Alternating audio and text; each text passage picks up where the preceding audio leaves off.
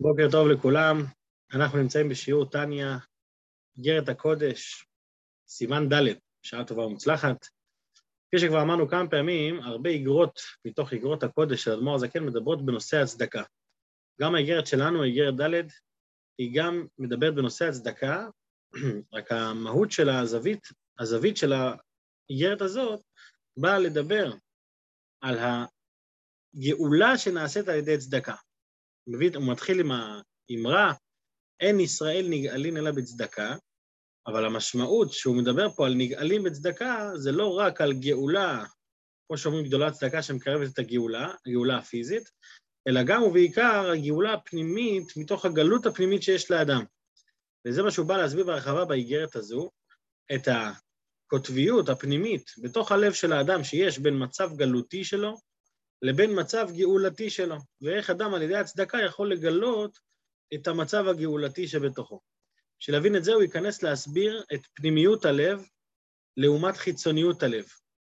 איך מגלים את הפנימיות של הלב שלי ואיך מגלים את החיצוניות של הלב. ואז נוכל להבין מה זה הגלות של הלב ומהי הגאולה של הלב. זה בגדול הכותרת, כעת ניגש לי בפנים, נלמד את זה מתוך הספר עצמו ונתקדם לאט לאט בעזרת השם. סימן ד' אין ישראל נגאלין אלא בצדקה, שנאמר, ושבע בצדקה.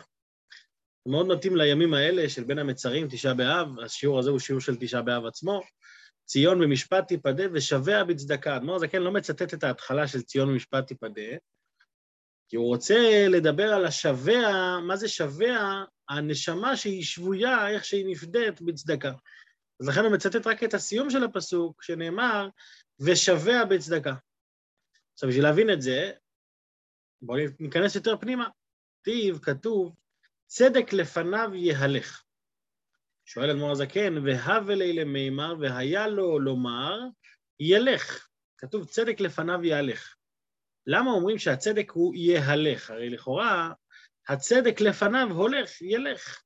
מה זה יהלך? יהלך זה כאילו יש פה לשון של הילוך יותר מהליכה רגילה.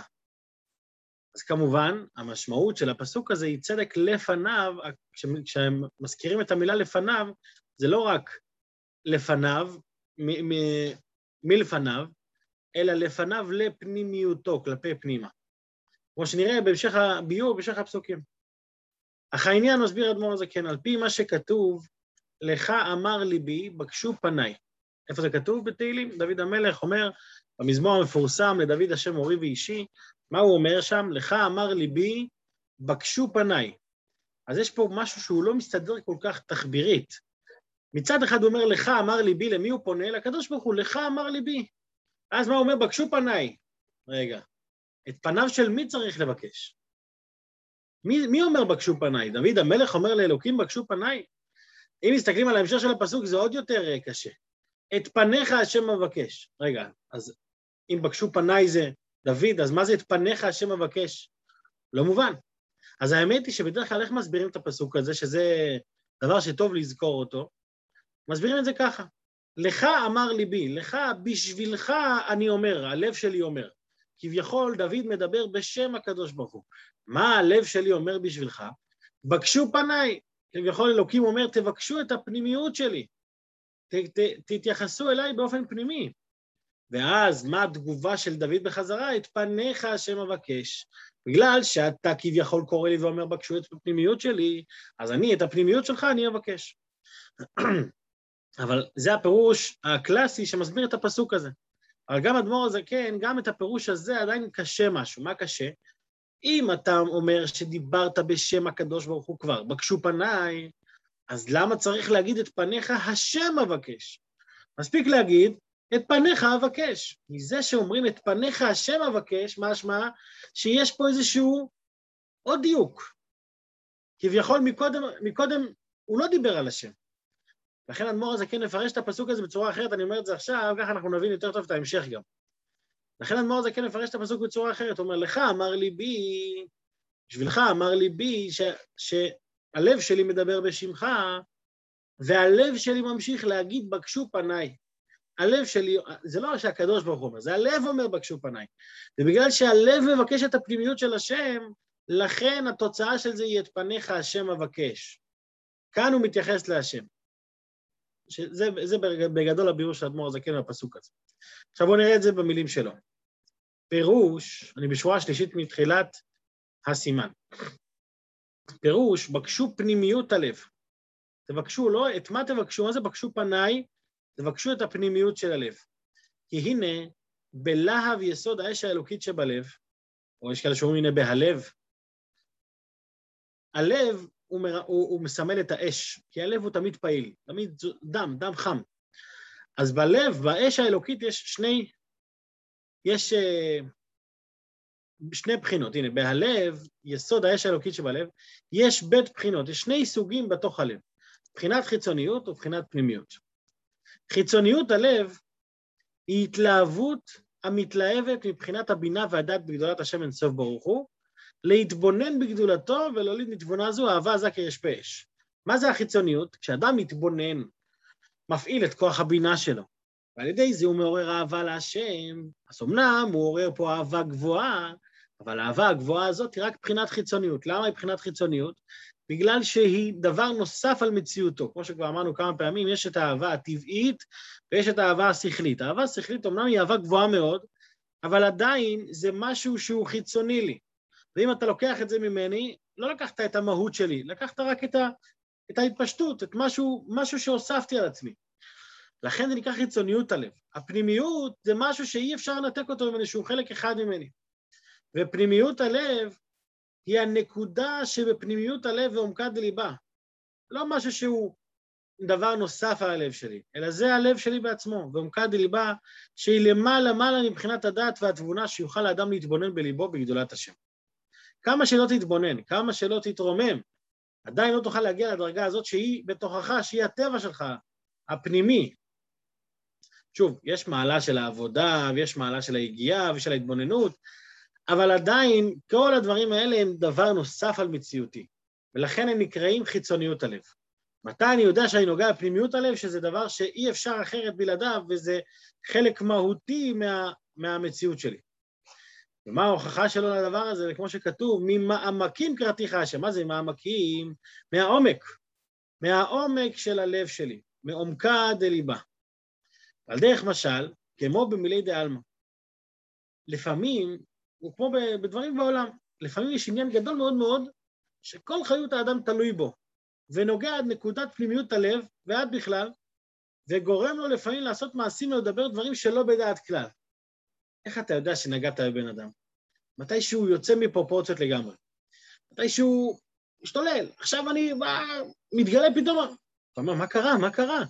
זה כל כך עמוק אצלו בנפש, שהתגובה שלו היא לא פרופורציונלית למעשה שקרה. ואז אתה מבין שזה באמת משהו רציני. אז ככה, אותו דבר, אדמו"ר הזה כן מביא את המשל הזה כדי להסביר מה זה פנימיות הלב. חיצוניות הלב, אוקיי. אני יכול להסתדר בלי זה, בוא נגיד ככה, אני הבנתי משהו, התבוננתי, נהניתי, הכל טוב ויפה. עכשיו לקחת לי את הדבר הזה, בסדר, אני מסתדר, הכל טוב. אבל יש דברים שאם אתה לוקח אותם, לקחת את הנפש שלי, אני לא רגוע, אני לא יכול, להיות, אני לא יכול להמשיך לסדר היום כך. אני מוציא את עצמי עד הקצה האחרון. וזה לעומת זה, ככה הוא ממש בעבודה שבלב. אותו דבר גם בעבודה של הלב, מתי אנחנו רואים שאנחנו משתגעים על משהו כביכול, ומתי אנחנו רגועים, הכל בסדר, שזה חיצוניות או פנימיות. והיינו לפי שבחינת נקודת פנימיות הלב היא למעלה מבחינת הדעת המתפשט ומתלבש המידות שנולדו מחוכמה, בינה ודעת כנודע. בגלל שזה עמוק יותר בלב, זה מגיע מדרגה אחרת בנפש שהיא למעלה מכל הדרגות של ההשגה וההבנה. אז מה זה כן? אם זה לא חוכמה, בינה ודעת, אז מה זה? רק היא בחינת הערת החוכמה העליונה שלמעלה מהבינה והדעת. אמרנו באחד השיעורים בליקודי המרים, הסברנו מה זה חוכמה. חוכמה זה אינסטינקטים. חוכמה זה לא הבנה. הבנה זה בינה. חוכמה זה אור. חוכמה זה, זה הערה, זה ברק המבריק. חוכמה זה אינסטינקט, שאדם מרגיש שככה העניין ולא אחרת, כי זה, זה, זה כי מאיר אצלו מידת החוכמה, ספירת החוכמה.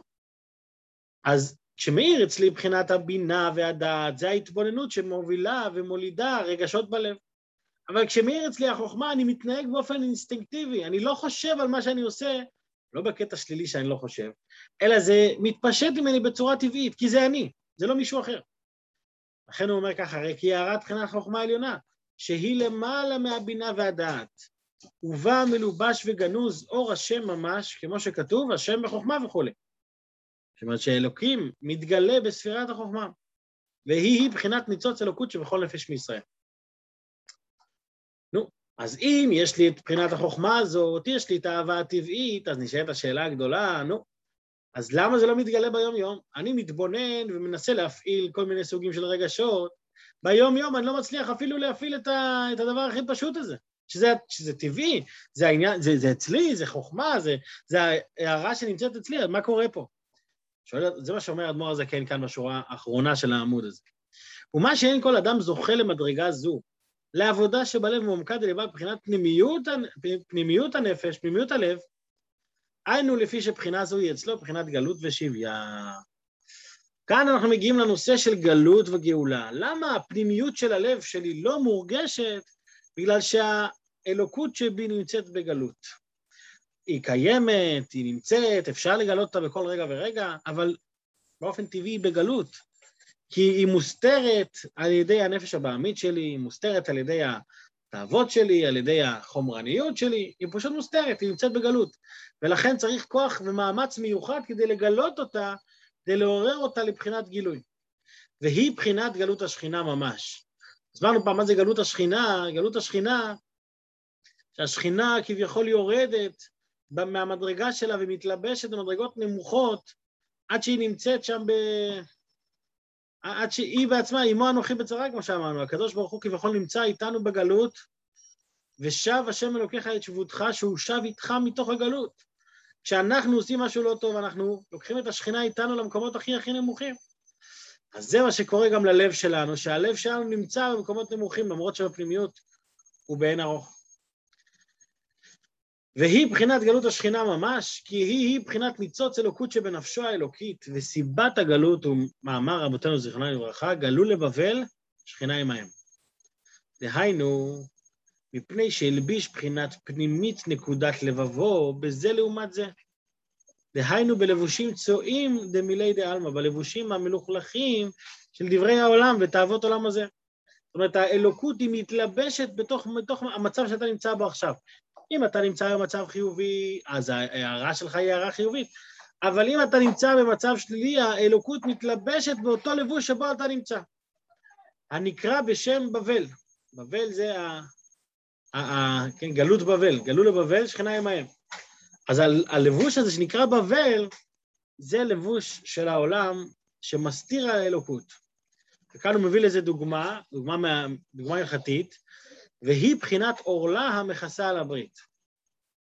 ונקודת הפנימית שבלב, זאת אומרת, היא מכסה על, על הפנימיות ועל, ועל הברית כביכול, ועל זה נאמר, ומלתם את עורלת לבבכם.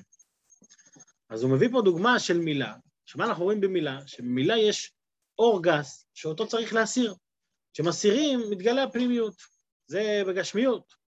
ברוחניות הנקודה היא שיש פנימיות הלב. ולפעמים יש עורלה שמסתירה על הפנימיות של הלב. זה חתיכת אור גס, או, או נקרא לזה אה, אה, מגושמות שמסתירה על הפנימיות של הלב, והמגושמות הזאת היא מתחלקת לשני חלקים, כמו שבמצוות מילה יש שני חלקים. נגיד את זה בעל פה ונקרא את זה אחר כך מבפנים. במצוות מילה יש שני, שני חלקים, יש מילה ופרייה. מה ההבדל בין מילה לפרייה? שמילה זה החלק הגס שאותו מורידים, ופרייה זה אור עדין שגם אותו מורידים. יש כלל בהלכה שאומר מל ולא פרה, כאילו לא מל. זאת אומרת, השלמות של המילה היא מתבטאת דווקא בפרייה הזאת של החלק הדק. מוסבר על זה בקבלה וחסידות, שהחלק העבה שמורידים זה החומריות של העולם, החלק הדק זה כבר לא החומריות, זה דק יותר, זה עדין יותר, זה מה שנקרא תאוות היתר, לא החומריות, תאוות איסור, אלא תאוות היתר. יש, יש כלל שאומרים, האסור אסור והמותר מיותר. מה שאסור בטוח אסור, אבל גם מה שמותר לא תמיד חייב לעשות אותו. זה, זה הפרייה. הפרייה זה החלק הדק הזה שאומרים, שאומרים לאדם, גם דברים שמצד הדין מותר והכל, אתה בסדר גמור, אתה, הכל טוב איתך, גם על זה אומרים לו, לא, גם פה אתה צריך להילחם, גם פה אתה צריך להתמודד. אגב, רואים את זה יפה בסיפור של הכניסה לארץ, שיהושע בן נון לפני הכניסה לארץ, מל את כל, ה, את כל, ה, את כל היהודים, וימול, איך כתוב שם? מל יהושע את, את ישראל שנית. את השאלה, למה צריך למול אותם עוד פעם? הרי כבר מלו ב... מלו שם בקורבן פסח, למה צריך למול שוב? אז יש כמה דעות, יש כאלה שאומרים ש, ש, ש, שלא כולם מלו, אבל יש, יש הסבר שאומר שהמילה שהייתה ביציאת מצרים הייתה מילה בלא פריאה. וכשהגיעו להיכנס לארץ ישראל, יהושע אמר, עכשיו, בדור המדבר, לא הייתם צריכים להתמודד עם תאוות יותר, כי לא היה לכם תאוות, לא היה לכם כלום.